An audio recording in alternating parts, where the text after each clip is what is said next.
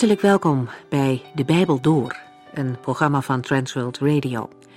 De Bijbel Door is een radioserie die u in vijf jaar meeneemt door de hele Bijbel. Van Genesis 1 tot Openbaring 22.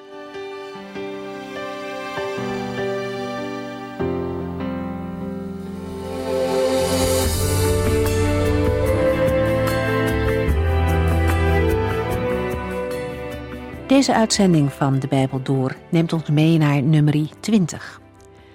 In de vorige hoofdstukken zijn een aantal wetten aan de orde geweest. Allereerst zagen we dat de Heer zich nog een keer speciaal tot de priesters en de levieten richt. Het waren mensen die door God zelf waren uitgekozen om speciaal voor hem te werken. Dat moesten ze goed en zorgvuldig doen. Het luisterde nauwgezet. Deze mensen kregen geen erfdeel in het beloofde land. De Heere beloofde zelf voor hen te zorgen. Ze zouden meedelen in de gaven die de Israëlieten aan de Heere zouden brengen. En vandaag de dag is dat nog net zo. Mensen die vrijgemaakt zijn om in zendingswerk of de gemeente te dienen, moeten zich geen zorgen hoeven maken over hun financiën. Het thuisfront is verantwoordelijk om daarin te voorzien en op die manier mee te werken in het evangeliewerk. De Israëlieten brachten hun tiende bij de tabernakel, zodat de priesters en de levieten daarvan konden leven. En hoewel christenen niet onder deze wet van Mozes leven, is het een overweging om dit als richtlijn te gebruiken. Na de opstandigheid in de voorgaande hoofdstukken wordt nu de verhouding tussen priesters, levieten en de Israëlieten duidelijk door de Here geregeld. Voor de levieten en de priesters betekenen deze voorschriften dat zij op de Here moeten vertrouwen voor hun levensonderhoud. Mooi is dan ook dat de Heere zegt dat Hij zelf hun erfdeel is. Zij gaven hun zekerheden en bezittingen op, maar krijgen daarvoor in de plaats rijkdom van de Heere zelf. In nummer 19 staan voorschriften wat men moest doen om rein te worden als men in contact met een dode geweest was. Het sluit aan bij de gebeurtenissen daarvoor, toen er veel Israëlieten stierven na de opstand van Korach. Het slot van dat hoofdstuk laat nog eens duidelijk zien dat elk mens zelf verantwoordelijk is voor de keuzes die hij maakt. De Heere God geeft voldoende mogelijkheden om af te rekenen met de verkeerde dingen, om een nieuwe start te maken.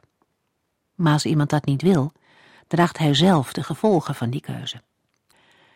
In Israël werd iemand die zich niet wilde laten reinigen uitgeroeid.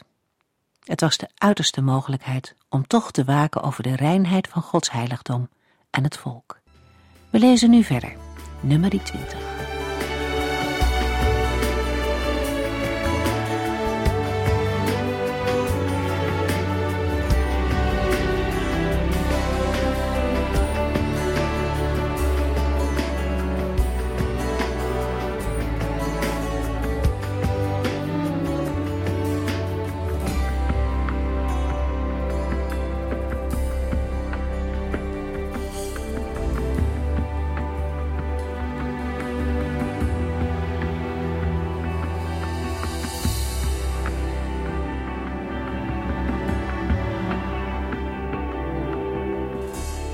Na een bespreking van wetten, nummer 18 en 19, wordt in nummer 20 de geschiedenis van de woestijnreis weer voortgezet.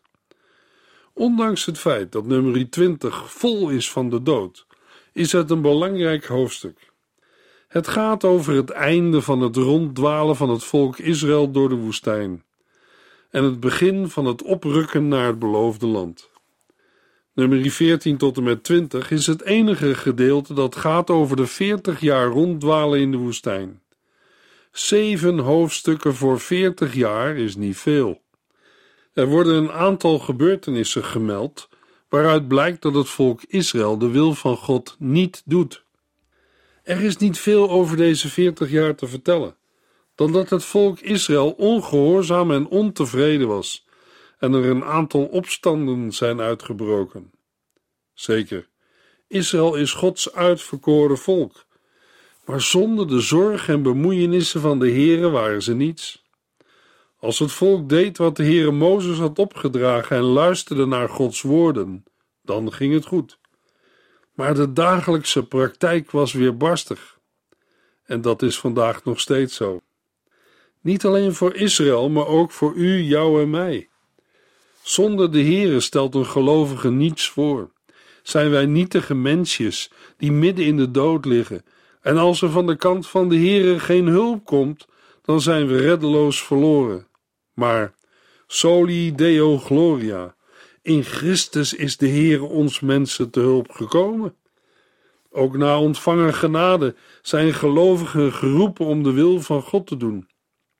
Als u, jij en ik niet in het lichaam van Christus, zijn gemeente, functioneren, met de gaven die Hij heeft gegeven, zijn we even onnuttig als een vijfde wiel aan een wagen. Feitelijk lopen we dan in de weg. Nummer 20, vers 1. Het volk Israël arriveerde in de eerste maand in de woestijn Sin en sloeg het kamp op bij Kades. Daar stierf Mirjam en werd zij begraven. Na vele jaren van trekken door de woestijn komt het volk Israël weer in Kades Barnea in de woestijn Sin aan. Daar waar ze eens waren vertrokken, nummer 13 en 14. Kades liggen aan de zuidgrens van Canaan, ongeveer 75 kilometer om de Beersheba.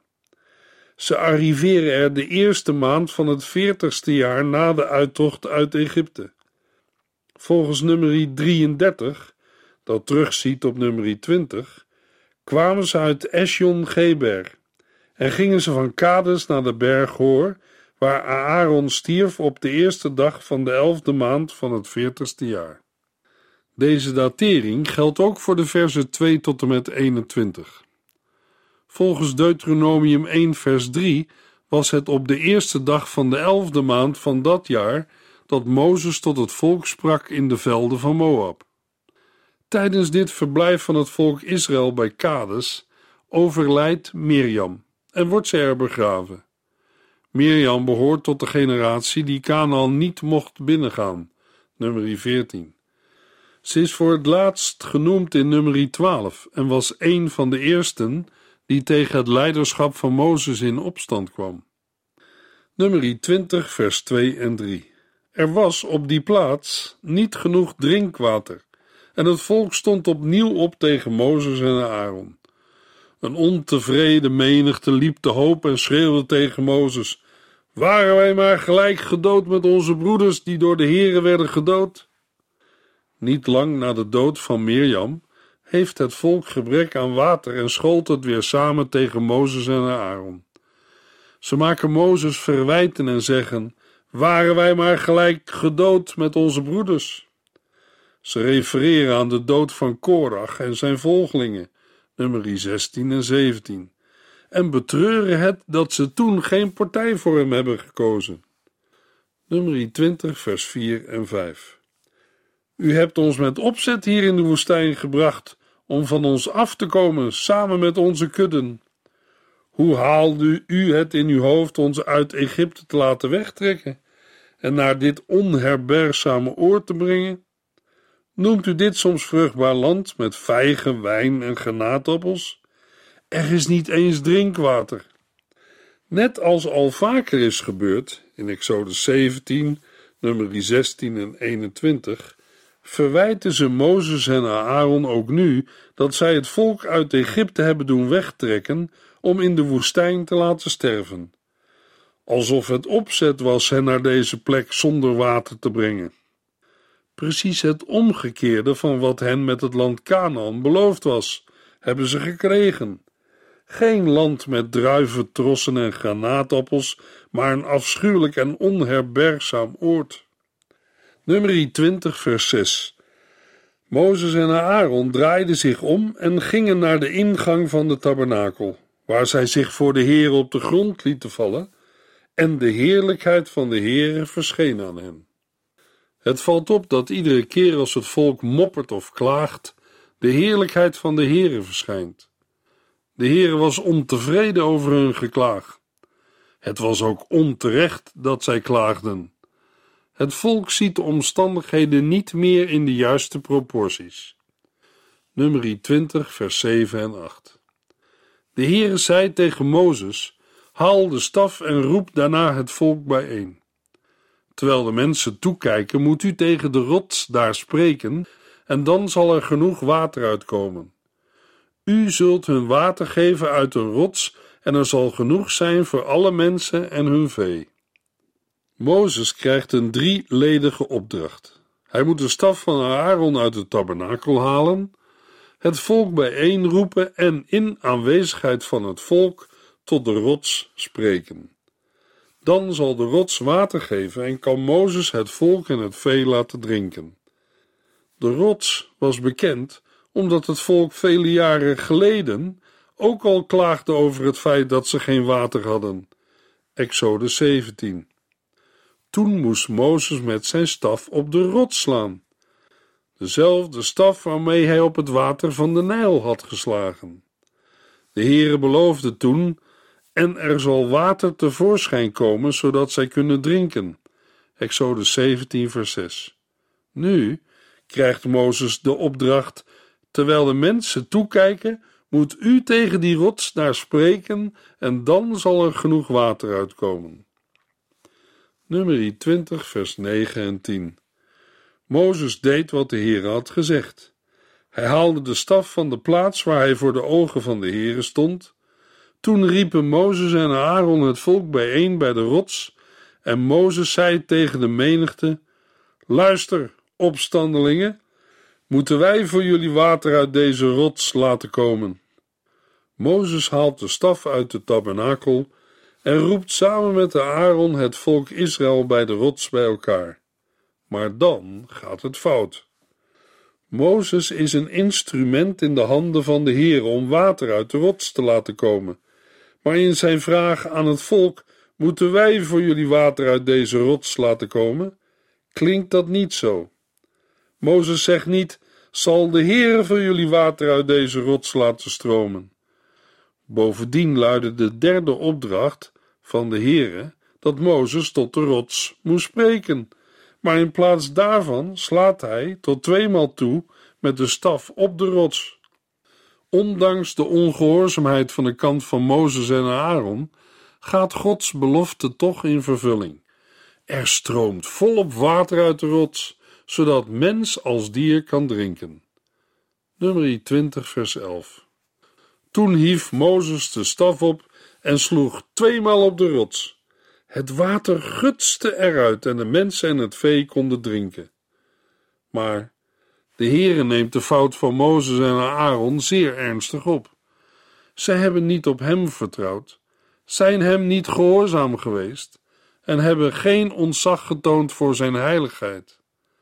Mozes en Aaron hebben de Heere niet als de heilige geëerd, hem niet de eerste plaats gegeven die hem toekomt. Daarmee hebben ze het volk de volledige manifestatie van Gods heerlijkheid en kracht onthouden. En als straf mogen zij dit volk niet naar het beloofde land brengen.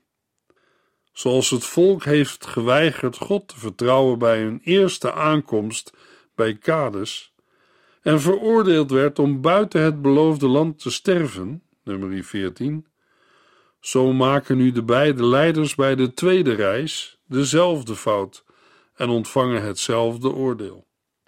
Nummer 20, vers 12. Maar de Heere zei tegen Mozes en Aaron: Omdat u mij niet hebt geloofd en mij niet de eer hebt gegeven voor de ogen van het volk Israël, zult u beiden hen niet het land mogen binnenbrengen dat ik heb beloofd. Sommige uitleggers zeggen dat de fout van Mozes was dat hij de rots twee keer sloeg.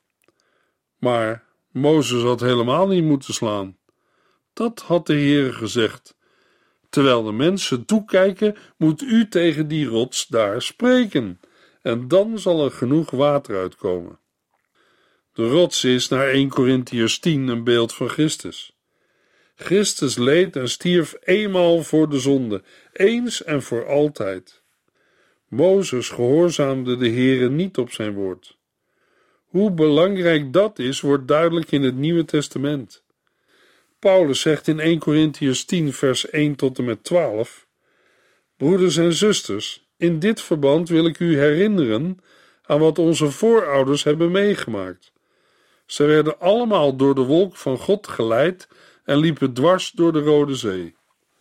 Die ervaring was hun doop als het volk van Mozes. God zorgde ervoor dat ze allemaal geestelijk eten en drinken kregen. Voorbeelden van geestelijke waarheden. Dat drinken kregen ze uit de geestelijke rots die met hem meeging, en die rots was Christus. Toch was God niet tevreden over de meeste van hen. Hij sloeg hen neer in de woestijn. Die gebeurtenissen zijn een les voor ons. Wij moeten niet naar slechte dingen verlangen zoals zij.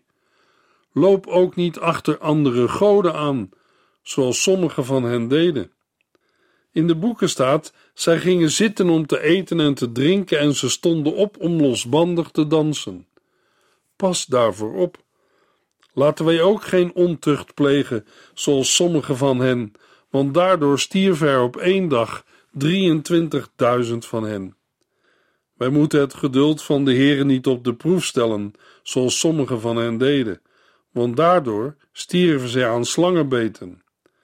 En mopper niet tegen God, zoals sommigen van hen, want daardoor trof hun de dood. Dat is allemaal met hen gebeurd, om een voorbeeld te stellen. En het is opgeschreven als een waarschuwing voor ons, die in het einde van de tijd leven.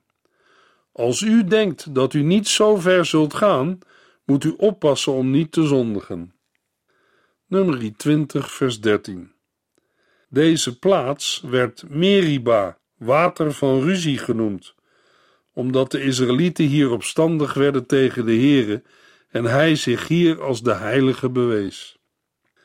In een afsluitende zin, vers 13, wordt gezegd dat de plaats van de twist Meriba bij Kades was. Dit Meriba wordt elders in de Bijbel Meriba bij Kades genoemd, nummer 27, Deuteronomium 32, Ezekiel 47 en 48. Dit om het te onderscheiden van het Meriba bij Refidim in de Sinaï-woestijn, Exodus 17, Deuteronomium 33 en Psalm 95. Daarnaast dat de opstand van het volk tegen Mozes en Aaron in feite een verzet tegen de Heer was. De Heere toont hier zijn heiligheid door de zonde van de leiders op dezelfde manier te oordelen als die van het volk. Ondanks dat geeft de Heere het dorstige volk toch het beloofde water. Geloof de Heer op zijn woord. Hij doet altijd wat hij zegt. Mozes en Aaron mochten het volk niet in het beloofde land binnenbrengen. Als we het Nieuwe Testament lezen, zien we dat Mozes zelf uiteindelijk toch het beloofde land bereikte. Hij verscheen met Elia op de berg van de verheerlijking. Daar sprak Mozes met de heiland over zijn levenseinde in Jeruzalem. Lucas 9, vers 31. Nummer 20, vers 14, 15 en 17. Tijdens het verblijf in Kades zond Mozes boodschappers naar de koning van Edom. Wij zijn nakomelingen van uw broeder Israël en u kent ons verhaal van alles wat ons is overkomen. Hoe onze voorouders naar Egypte trokken, waar zij lange tijd verbleven om tenslotte slaven van de Egyptenaren te worden. Laat ons alstublieft door uw land trekken. Wij zullen voorzichtig zijn en niet door uw akkers en wijngaarden trekken. Wij zullen zelfs geen water uit uw bronnen gebruiken. Wij blijven op de hoofdweg en zullen die niet eerder verlaten dan wanneer wij uw landsgrens aan de andere kant zijn overgetrokken. Mozes wil via Edom naar het oosten trekken om van daaruit het beloofde land binnen te trekken. Vanuit Kades Barnea stuurt hij gezanten naar de koning van Edom. Het verzoek van Mozes heeft het karakter van een oud-Oosterse brief, alleen in mondelinge vorm. In zo'n brief zijn de volgende elementen te vinden: de ontvanger, de afzender, de argumenten en tot slot de eigenlijke vraag. Alle elementen vinden we ook in het mondelinge verzoek van Mozes. Mozes doet een beroep op hun gemeenschappelijke afstamming en geeft daarmee ook hun gelijkwaardigheid aan. Daarna herinnert hij Edom aan een stuk geschiedenis van de Israëlieten. De Heere heeft hen uit Egypte gehaald en nu bevinden zij zich in Kades Barnea, aan de rand van het gebied van Edom.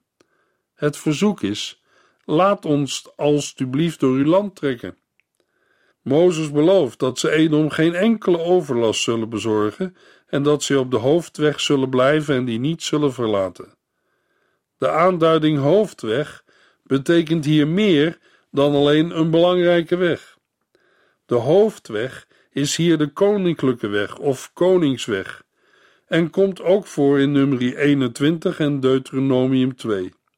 Het is de weg die van Damascus door het gebied ten oosten van de Jordaan naar de golf van Akaba, Eilat, loopt. Nummer 20, vers 18 tot en met 22. Maar de koning van Edom zei: Blijf uit ons land. Als u probeert binnen te komen, zal ik u met een leger tegemoet komen. Maar koning, pleiten de boodschappers, wij zullen op de hoofdweg blijven en zelfs geen water van u drinken, of wij kopen het voor de prijs die u vraagt. Wij willen alleen door uw land trekken, verder niets. Maar de koning van Edom bleef weigeren. Blijf uit ons land, waarschuwde hij. En na zijn leger te hebben gemobiliseerd, trok hij met man en macht op naar de grens. Omdat de Edomieten weigerden Israël door hun land te laten trekken, keerde Israël om en trok van Kades naar de berg Hor. Het volk Israël moet nu een omweg maken die niet nodig zou zijn geweest als de koning van Edom toestemming had gegeven om door zijn land te trekken. Toch denk ik dat Mozes hier een fout maakte. Mozes had de wolkolom moeten volgen. Is Mozes nu bezig zijn eigen weg te gaan? Had hij niet moeten wachten op de aanwijzing van de Heere? In nummer 14, vers 14 heeft Mozes nog gebeden: Zij, de Egyptenaren en de inwoners van dit land, zien de wolk en de zuil van vuur boven ons en weten dat u ons dag en nacht leidt en beschermt. Mozes hoefde niet ongerust te zijn. De Heere zou hen leiden en beschermen.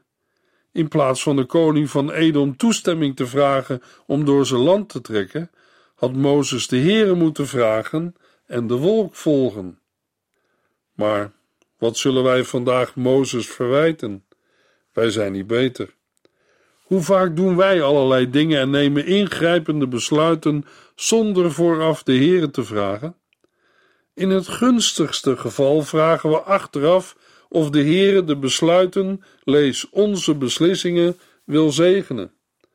En als er niet gebeurt wat wij ervan hadden verwacht, dan staan we snel klaar met onze waaroms. Vaak twijfelen we aan de almacht van de Heere of denken dat Hij ons is vergeten. Maar weten wij zeker of de ingeslagen weg de weg van de Heer is? Mogelijk wil de Heer ons duidelijk maken dat een bepaalde weg niet goed of zelfs levensgevaarlijk voor ons is. En wij maar mopperen tegen Hem, die ons juist Zijn liefde wil geven. Heere, kom mij in mijn ongeloof te hulp. Nummer 20, vers 23 en 24. Toen zei de Heere bij de grens van het land Edom tegen Mozes en Aaron: Het is tijd voor Aaron om te sterven, want hij zal het land dat ik het volk Israël heb gegeven niet binnengaan. U beiden hebt mijn instructies betreffende het water van Meriba in de wind geslagen. Aaron hoorde bij de Heere, maar hij heeft nooit de vruchten van het beloofde land mogen genieten. Waarom? Omdat ook hij de instructies van de Heer in de wind had geslagen. Ook vandaag is zo'n situatie mogelijk. Ook vandaag zijn er mensen die de Heer niet kunnen missen. Ze willen geen dag zonder hem leven en toch genieten ze niet van de geestelijke overvloed die de Heer uit genade schenkt. Ze genieten niet van de vruchten van de redding door Christus en kennen in hun eigen leven de vrede van de Heilige Geest niet. Ze weten niet wat het is om in gemeenschap met de Heer Jezus te wandelen. Uit hun hele levenswandel blijkt de liefde voor de Heer en zijn dienst, en ik durf geen ogenblik aan hun redding te twijfelen. Immers, de vrucht die zij voortbrengen is liefde, en die vrucht komt niet van een natuurlijk mens, maar van de Heilige Geest. Luisteraar, wij mogen de belofte van de Heere geloven. Ze zijn in Christus ja en amen. Niet om werken van gerechtigheid die wij gedaan hebben, maar omdat Hij met ontferming over u bewogen is. Titus 3, vers 5. Wij doen de Heere verdriet als wij Zijn grote genade in ons leven niet herkennen door ongeloof. De Heere zegt in zijn woord door profeten en apostelen: Ieder die de naam van de Heere aanroept, zal gered worden. Joel 2, Handelingen 2 en Romeinen 10. En u maar zeggen dat u er niet bij hoort? Nummer 20, vers 25 tot en met 29. Ga met Aaron en zijn zoon Eleazar de berg Hor op.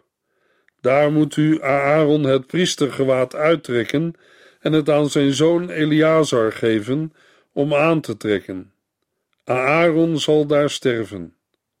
Mozes deed wat de Heere hem had opgedragen. Voor de ogen van het hele volk beklommen zij de berg Hor. Toen ze hoog genoeg waren, trok Mozes Aaron het priestergewaad uit en liet Eleazar het aantrekken. En daar op de berg stierf Aaron. Mozes en Eleazar keerden terug. Toen het volk op de hoogte werd gebracht van Aarons dood, rouwde het dertig dagen om hem. Vandaag is er een hoge priester, niet naar de ordening van Aaron, maar naar de ordening van Melchizedek. Hebreeën 6 vers 20. Jezus is het hemelse heiligdom binnengegaan om voor ons te pleiten. Hij is voor altijd hoge priester geworden, op dezelfde wijze als Melchizedek. Hebreeën 7 vers 3.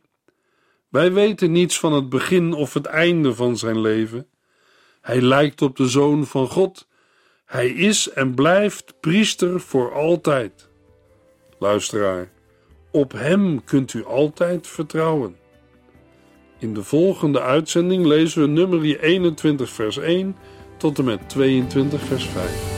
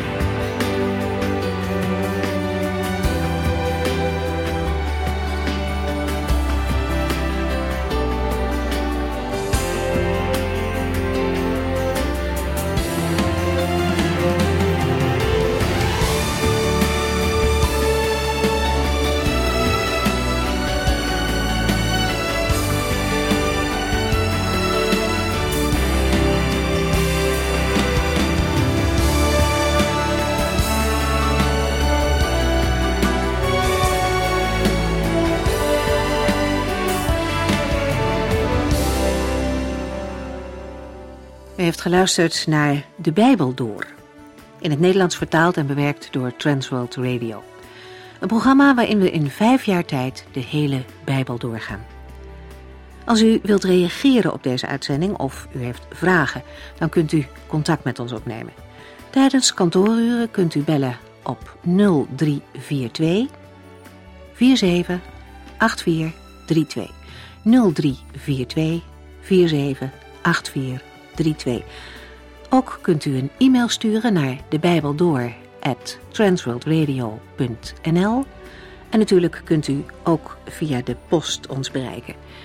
TWR, postbus 371, postcode 3770, AJ in Barneveld.